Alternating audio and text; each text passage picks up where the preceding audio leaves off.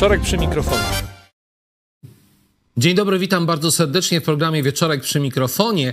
Dzisiaj e, nie ze studia, tylko z innego miejsca, ale będziemy mieli bardzo wyjątkowego gościa. Gościem programu będzie e, poseł dziesiątej kadencji na Sejm Rzeczpospolitej Polskiej, Michał Krawczyk. Zapraszam serdecznie na program e, właśnie z Michałem Krawczykiem. To, co dla nas jest ważne, to żeby tą władzę rozliczyć, a później pojednać Polaków właśnie na bazie rozliczenia złej władzy, która nie tylko dokonywała nadużyć w obszarze podsłuchów, ale chociażby wiemy i wychodzą kolejne informacje na temat gigantycznych zarobków w tak zwanej publicznej telewizji, czyli w rządowych mediach, gigantycznych zarobków prokuratora krajowego i tak dalej. Więc mnóstwo rzeczy do wyjaśnienia przed nami i do rozliczenia, ale stawiamy sobie za ambicję to, żeby pojednać polskie społeczeństwo i zakończyć polsko-polską wojnę, która ewidentnie w ostatnim czasie nabiera też przez to, że PiS podsyca te nastroje na sile. Drodzy Państwo, bardzo miło, że Państwo jesteście z nami e, na spotkaniu z Michałem Krawczykiem, posłem dziesiątej kadencji, e, którego serdecznie witam i zapraszam. Proszę Państwa, jako koło numer jeden staramy się raz w miesiącu zapraszać posłów e, na początek z naszego regionu lubelskiego, z okręgu 6 i 7. E, jest to inicjatywa e, członków naszego koła numer 1. Po prostu chcą się spotykać z osobami, które bezpośrednio uczestniczą e, w obradach Sejmu. A poza tym myślę, że chyba najlepiej mieć bezpośrednie informacje, co się w Sejmie dzieje od osób, które są tam na co dzień. A jak wiecie, jak to powiedział nasz pan e, szef Sejmu, czyli pan e, oj, Hołownia. Właśnie zabrakło mi tego słowa, bo jakby to był Hołownia e, z naszej koalicji, to nikt nie miałby problemu z nazwiskiem. Mówił, że popcorn jest mile widziany, można oglądać i wszystko, wszystko jest ciekawe. Myślę, że o tym wszystkim nam opowie Michał, którego jeszcze raz serdecznie witam. Michała, bardzo proszę, oddaję głos. Parę słów bym Cię prosił, żebyś powiedział na temat, jak się w Sejmie, e, co się dzieje, jak, jak tam się e, pracuje, bo jesteś posłem drugiej, już drugiej kadencji, więc już jesteś doświadczonym posłem. No i opowiedz nam o szefowaniu komisji, bo myślę, że e, wszyscy tak, chyba wiemy, tak, tak, że Michał został szefem komisji i w ogóle gratulacje, proszę Państwa. Jestem zaszczycony, bo mogę w tej kadencji kierować Komisją Samorządu Terytorialnego i Polityki Regionalnej i tu znowu ogrom masa różnych zadań przed nami, posłami w tej komisji i przed ministrami, którzy zajmują się samorządem terytorialnym, bo użyję tego sformułowania, przez ostatnie 8 lat samorząd terytorialny w Polsce był marginalizowany. Były odcinane fundusze, pieniądze od samorządu terytorialnego, a decyzje dotyczące finansowania konkretnych inwestycji zapadały w kancelarii premiera. My kompletnie od tego odejdziemy. My doprowadzimy do tego i już tym budżetem, zwiększając subwencje dla samorządów, doprowadzamy do tego, że samorządy będą miały po prostu więcej pieniędzy we własnej dyspozycji. To wójt, burmistrz, prezydent, radni będą decydować, na co wydawać pieniądze, a nie premier w kancelarii premiera czy szef partii na Nowogrodzkiej, tak jak to było przez ostatnie 8 lat. Szanowni Państwo, jesteśmy po kolejnym posiedzeniu Sejmu, e, które zakończyło się, e, które zakończyło się wczoraj. Wczoraj wieczorem, e, wczoraj wieczorem wróciłem z Sejmu. Nie wiedzieliśmy do końca, jak to posiedzenie będzie przebiegać, ponieważ były takie groźby ze strony posłów PiSu czy polityków PiSu mówiące o tym, że będą um, próbowali w jakiś sposób wpłynąć na przebieg obrad po to, żeby nie udało uchwalić się budżetu państwa, a przypomnę, że tutaj terminy nas gonią, nieuchwalony budżet, e, a budżet jeszcze przecież idzie do Senatu, Senat ma prawo złożyć do tego budżetu poprawki, musi e, wpłynąć do prezydenta, więc e, były takie obawy. Była próba, pewnie jak Państwo widzieliście, e, rano przedłużenia, zakłócenia obrad Sejmu przez posłów PiSu. E, Natomiast ja mam takie wrażenie, jak na nich patrzyłem, że tam nie ma, naprawdę nie ma energii, że do nich w końcu zaczyna docierać to, że przegrali wybory, że PiS nie, że zaczyna powoli docierać, zaczyna, zaczyna, że przegrali wybory, że nie rządzą, że będą rozliczani za to, e, co się działo przez ostatnie 8 lat w Polsce i że te nasze obietnice z jednej strony z programu wyborczego będą spełniane i są konsekwentnie spełniane, a z drugiej strony my mówiliśmy o tym, że tą władzę będziemy rozliczać. I oni, mam wrażenie, są przerażeni konsekwencją, z jaką Donald Tusk, Adam Bodnar i kolejni ministrowie, za moment zobaczycie Państwo też wyniki audytów w poszczególnych ministerstwach. E, szykuje się ciekawa lektura. E, wyniki audytów, które pokażą przede wszystkim na co, w jaki sposób pieniądze były, były wydawane. Więc e, myślę, że, że e, ciekawy czas przed nami. Natomiast to, co dla nas jest najważniejsze, to jest to, że realizujemy nasz program wyborczy i spełniamy obietnice te, o których mówiliśmy w kampanii wyborczej. W budżecie państwa na 24 rok mamy wpisaną 30% podwyżkę dla nauczycieli, 33% podwyżkę dla nauczycieli początkujących. To jest bardzo ważne. I powiem Państwu, że samorządowcy, jak usłyszeli o tym, że będziemy w budżecie, że, że, że obiecujemy, a później będziemy w budżecie państwa wpisywać 30% podwyżkę dla nauczycieli, to mieli taką obawę, że to będzie tak jak zarządów PiSu, że minister Czarnek wychodził, mówił o podwyżce dla nauczycieli, one, za- ona zazwyczaj była kilkuprocentowa, a później się okazywało, że samorządy, które przecież te podwyżki wypłacają realnie nauczycielom, nie dostają z budżetu państwa 100% kwoty na wypłatę tych podwyżek. I samorządowcy nas pytali, dobra, mówicie 30%, ale czy to nie będzie tak, że my dostaniemy 70% tej kwoty, a resztę trzeba będzie dołożyć? Nie. 100% kwoty na podwyżkę dla nauczycieli jest wpisane w budżecie państwa na 24 rok. Bez względu na to, kiedy ten budżet ostatecznie wejdzie w życie, ta podwyżka będzie z wyrównaniem od 1 stycznia. To samo dotyczy sfery budżetowej, 20% podwyżki w sferze budżetowej. Kolejną obietnicą, którą złożyliśmy i też udało ją się, znaczy udało się, szybko ją spełniliśmy, bo był przecież projekt, obywatelski projekt ustawy w Sejmie, który marszałek Hołownia jako pierwszy, jeśli dobrze pamiętam, w ogóle skierował pod obrady, czyli obywatelski projekt w sprawie finansowania in vitro. Udało się ten projekt przegłosować. 500 milionów złotych wpisane jest w budżecie na finansowanie procedury in vitro. Więc em, myślę, że PiS też jest przerażony tą, przypomnę, że rządzimy realnie miesiąc, e, tą skutecznością. Dwie komisje śledcze, trzy tak naprawdę już powołane, za moment ta Pegasusowa będzie w pełnym składzie powołana. Trzy komisje śledcze, dwie już działają. Wiemy o tym, rozmawialiśmy z Markiem przed spotkaniem o dzisiejszych wyjaśnieniach, które składał e, były poseł Soboń i, i, Dycko. i jak, e, i jak unikał odpowiedzi, a przecież znamy treść maila Sobonia z maili Dworczyka, w, których, w którym to mailu jasno pisał, do czego mogą doprowadzić wybory kopertowe i ostrzegał przed tymi wyborami. E, Mamy komisję śledczą, e, mamy komisję śledczą dotyczącą afery wizowej. Ta afera też, jak widzicie Państwo w ostatnich dniach, nabiera rozpędu. Takiego, że aż, e, aż, aż pan poseł, prezes Kaczyński nie był sobie w stanie przypomnieć nazwiska wiceministra spraw zagranicznych. Błaszczak też. I tak, tak, tak. I Błaszczak też. Może za dużo było po prostu y, przedstawicieli w rządzie, ludzi, wiceministrów, dyrektorów. Tak, możemy uznać. E, ale TikToki razem kręcili, więc myślę, że to nie do końca o to chodziło. Do tego do końca. E, I będziemy mieli za moment komisję do spraw Pegasusa. Wydaje mi się, że niezwykle ciekawą, bo też dotykającą bardzo mm, wrażliwe, bardzo wrażliwej części funkcjonowania państwa, mianowicie inwigilacji obywateli Rzeczpospolitej. Bo to nie chodzi, proszę Państwa, tylko o to, że ktoś kogoś podsłuchiwał.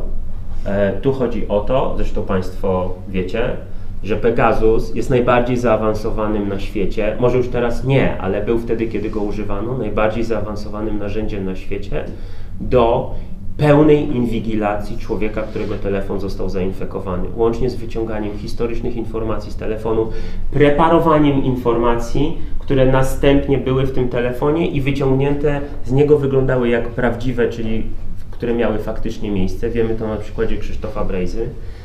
Co więcej, oni też utworzyli taki ciąg technologiczny polegający na tym, że najpierw podsłuchiwano, inwigilowano, preparowano informacje, one trafiały do rządowych mediów, a następnie media to nagłaśniały i w ten sposób dochodziło do takiego ciągu, który miał na celu niszczenie kolejnych osób. E, wiemy o tym, konstytucjonaliści o tym mówią, prawnicy o tym mówią, że zgody, na, jeśli były, a komisja się tym zajmie, zgody, jeśli były wydawane przez sąd na inwigilacje, były wyłudzane w ten sposób, że prokuratorzy, którzy najprawdopodobniej, komisja to wyjaśni, prokuratorzy, którzy o te zgody występowali, pisali tylko, że chodzi o podsłuch, a tu nie chodziło o zwyczajny podsłuch.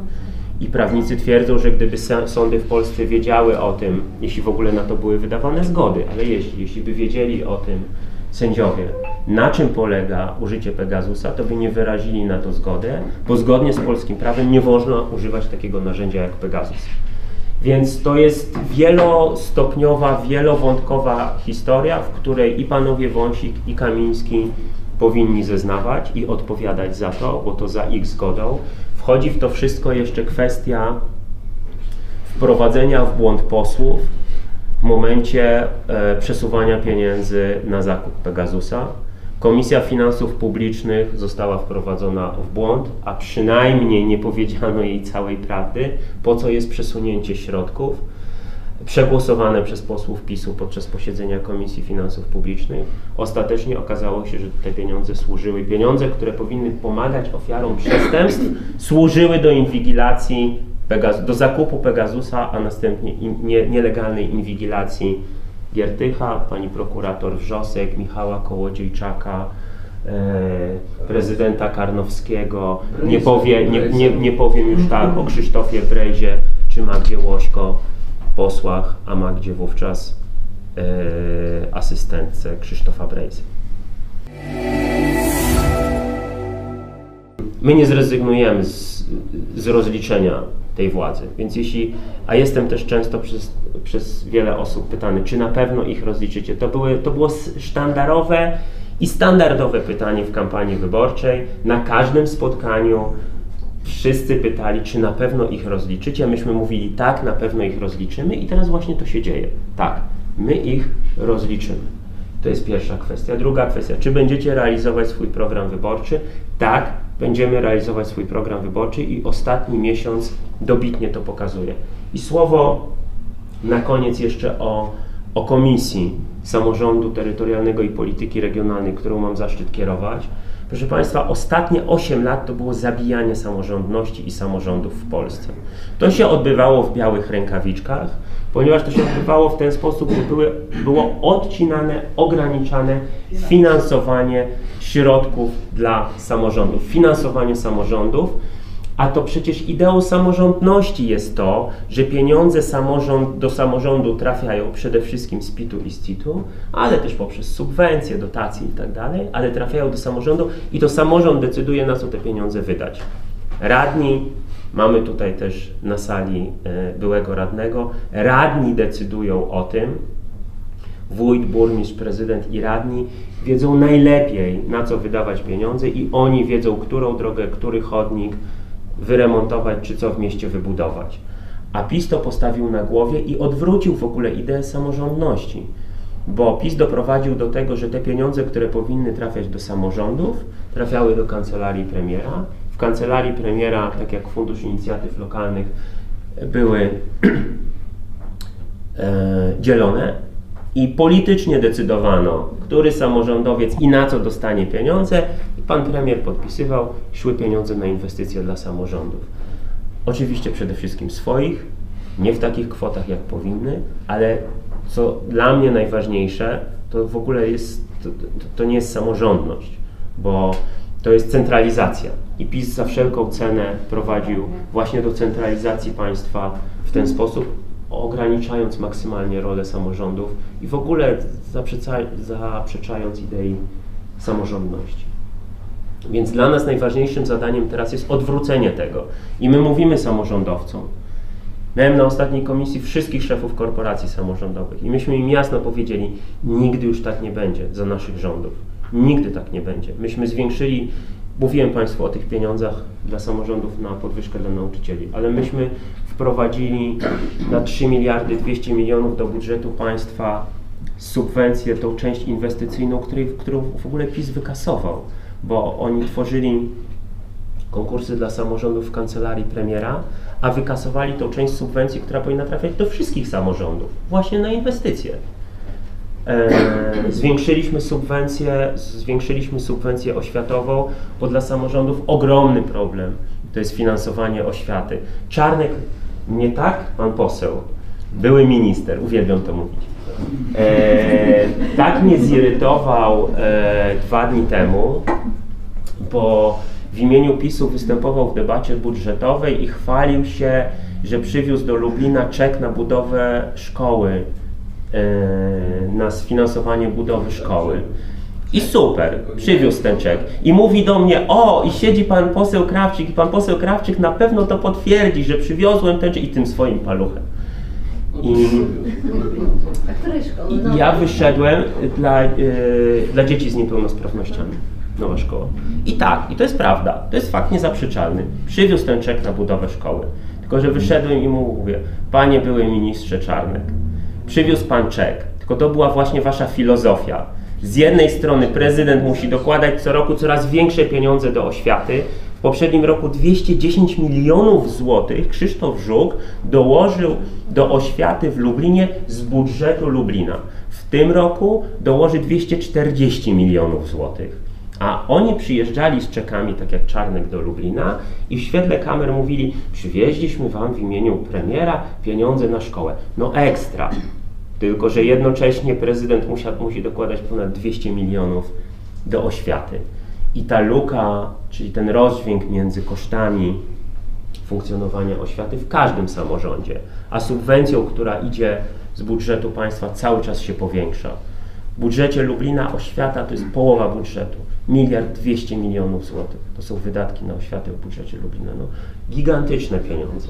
I jeśli nie odwrócimy, nie spróbujemy odwracać tej proporcji, jeśli nie zwiększymy subwencji oświatowej, a zrobiliśmy to w budżecie na 24 rok, 36% rośnie, proszę Państwa, subwencja oświatowa w budżecie państwa na 24 rok dla samorządów. Przez tyle wzrosła przez 8 lat PiSu. Naprawdę. Więc to jest ogromny zastrzyk dla samorządów, ale to jest, to jest początek, bo to, bo to zaniedbania są znacznie większe i te 36% wzrostu jest znaczące, ale e, za tym idzie także wzrost innych subwencji dla samorządów, właśnie po to, żeby samorządy znowu się stały samorządami, a nie było tak, że w kancelarii premiera zapada decyzja, którą drogę w Lublinie wyremontujemy. I jak prezydent jest z Platformy, to się zastanawiamy, a jak prezydent jest z PiSu, to dajemy pieniądze. Województwo lubelskie, po, przy, wybory y, parlamentarne praktycznie przegrało jako całość. Nie mamy więcej posłów, y, dużo więcej było w innych województwach. U nas niestety nie zwiększyliśmy swoich, y, swojego mm, stanu Może tyle samo posiadania. chyba co było, tak? Tyle samo. Tak, tyle samo mamy, prawda? Co możecie zrobić dla województwa lubelskiego, żebyśmy mogli realnie wygrać te wybory?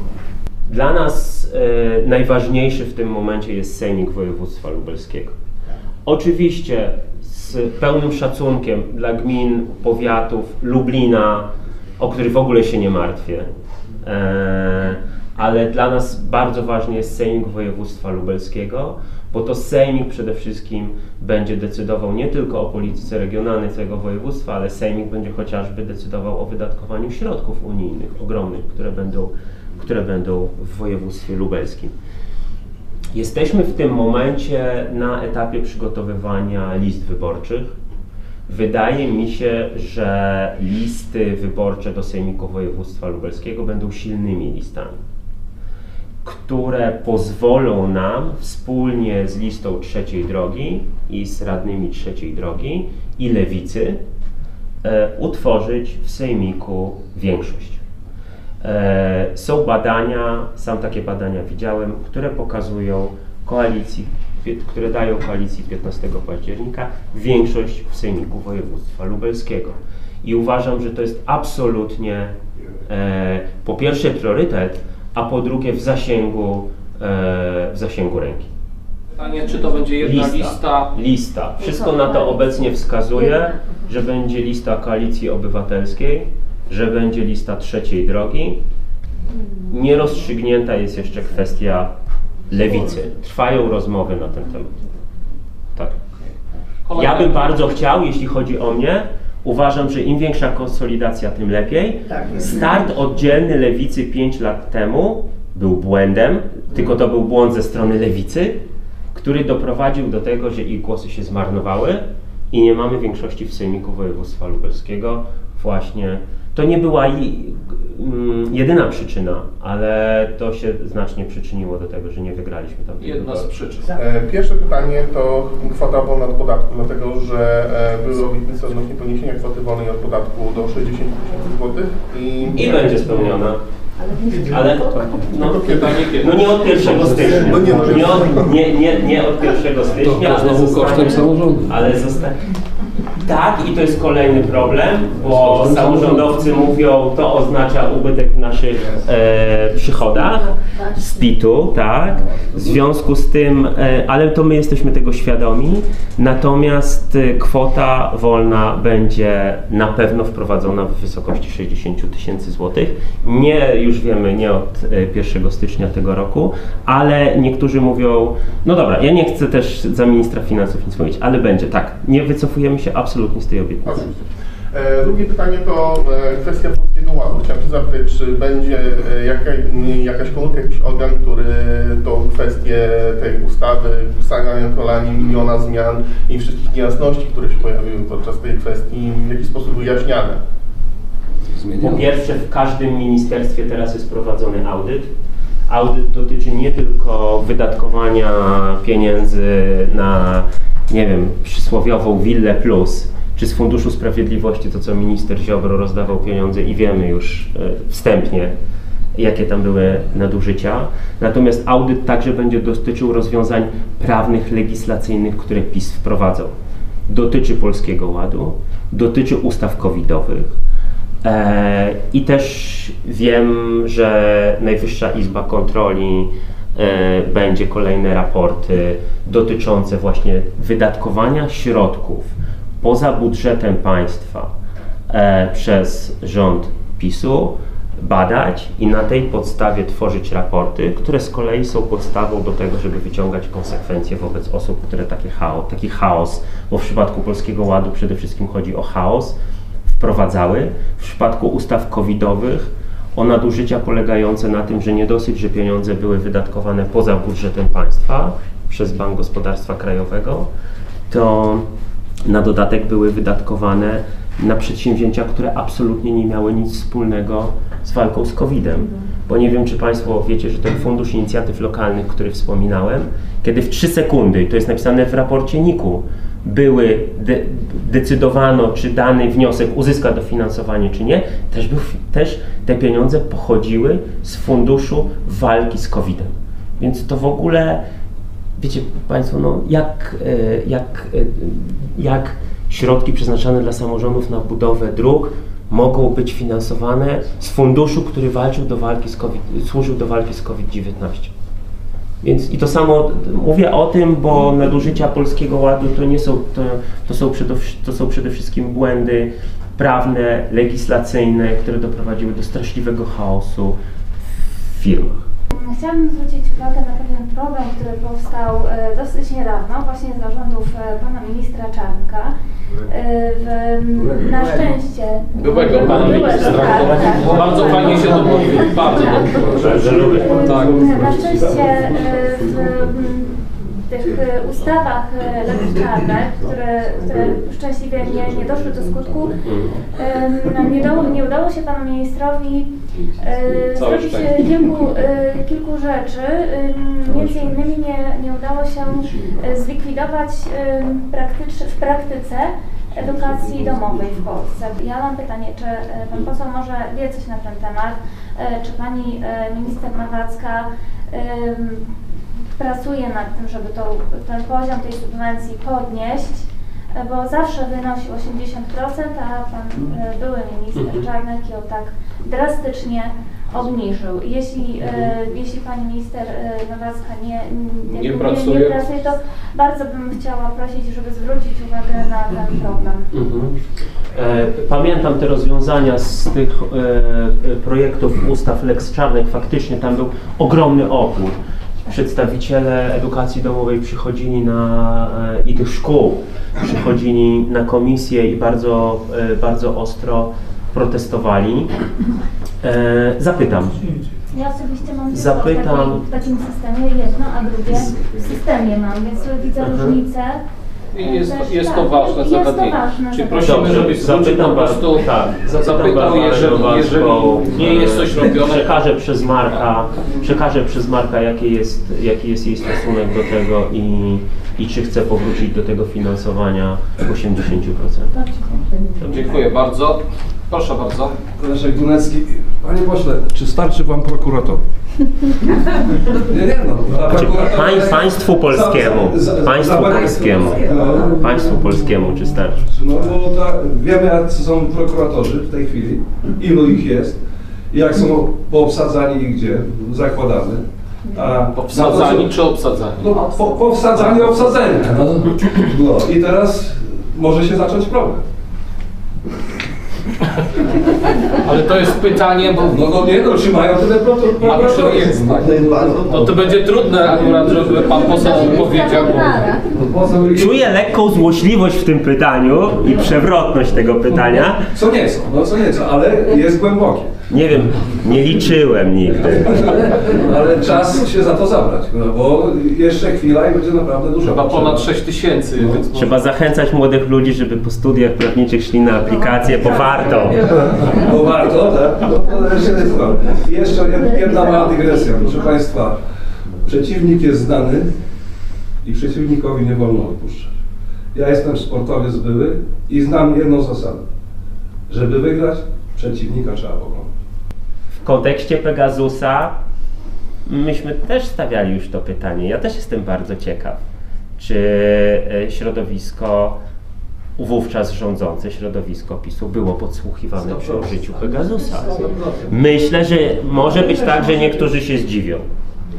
Nie wiem tego, ale może być tak, że niektórzy się zdziwią, jak się okaże, kto kogo i kiedy podsłuchiwał Pegasusem. Więc e, bardzo ciekawie może się dziać, e, bardzo ciekawie może się dziać po tamtej, po tamtej stronie. Natomiast jak słyszę, że Przemysław Czarnek ma być szefem ich kampanii samorządowej, to się bardzo cieszę. Bo to jest bardzo, proszę Państwa, dobra informacja.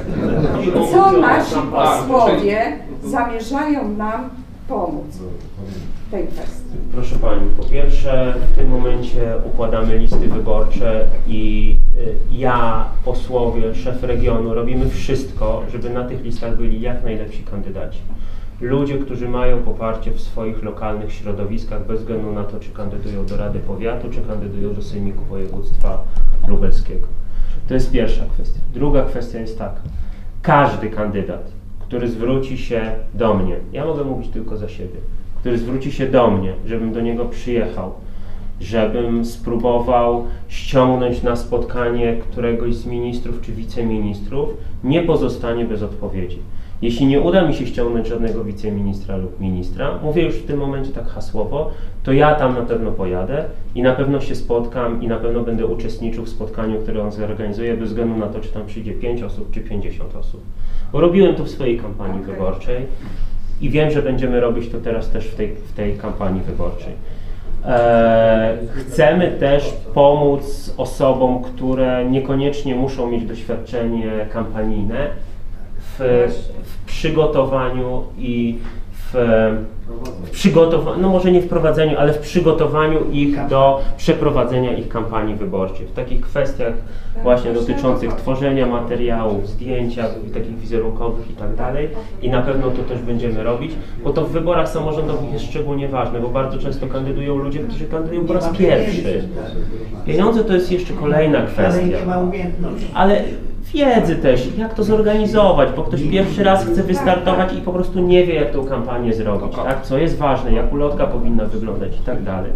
Więc takie wsparcie na pewno na poziomie regionu też Czyli będzie. możemy się zgłaszać, tak? Trzymamy za słowo. Ale gdzie pani chce się zgłaszać? No, Do, do biura. E, tak, pomocy. Jasne, Wsparcie. każdy z Państwa, kto chce kandydować w najbliższych wyborach i będzie na liście, może liczyć absolutnie na moje wsparcie. Tak. Tak trzeba. tak. Drodzy Państwo, e, gościem naszym dzisiaj był poseł na Sejm 10 kadencji Michał Krawczyk. Michale, bardzo dziękuję za Bardzo Państwu dziękuję. Pozwolisz, że na koniec zrobimy sobie z Tobą zdjęcie, dobrze? Tak na szybciutko. Kto ma Jasne. ochotę, zapraszam. Na koniec zapytam, e, powiedział Pan przed chwilą, że liczy na to pojednanie e, Polaków. E, W takim razie jakie są u Pana posła osobiste nadzieje na ten rok 2024? Moje prywatne? Nadzieje czy dla Polski? nadzieję dla Polski. Przede wszystkim ja bym bardzo chciał, żebyśmy skończyli się kłócić o politykę. My możemy się spierać, możemy mieć inne poglądy, ale politycy i osoby o różnych poglądach politycznych nie mogą się nienawidzić. My możemy się spierać i to jest częścią normalnej debaty publicznej w każdym demokratycznym kraju. Natomiast nie możemy się nienawidzić. I ja bym bardzo sobie życzył i mam taką nadzieję, że ten gorący, czasami zbyt gorący spór polityczny, który przenosił się na polskie domy i na polskie rodziny, uspokoi się, że będziemy spokojnie, merytorycznie, kulturalnie debatować o tym, jakiej chcemy Polski, a zakończymy tą wojnę.